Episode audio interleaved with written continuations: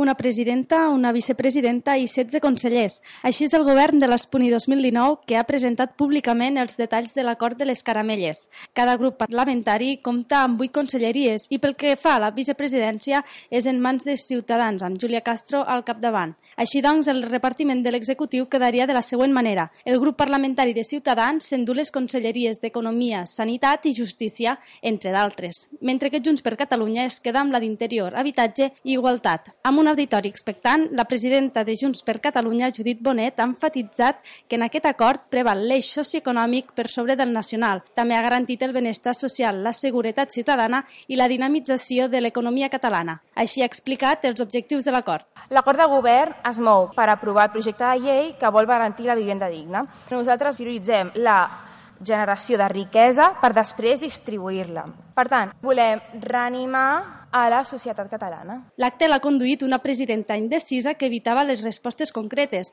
Entre els silencis i comentaris per guanyar temps, Bonet no ha aconseguit convèncer l'audiència. De fet, els assistents de la sala han marxat amb un regust amarg i sense cap mesura determinada.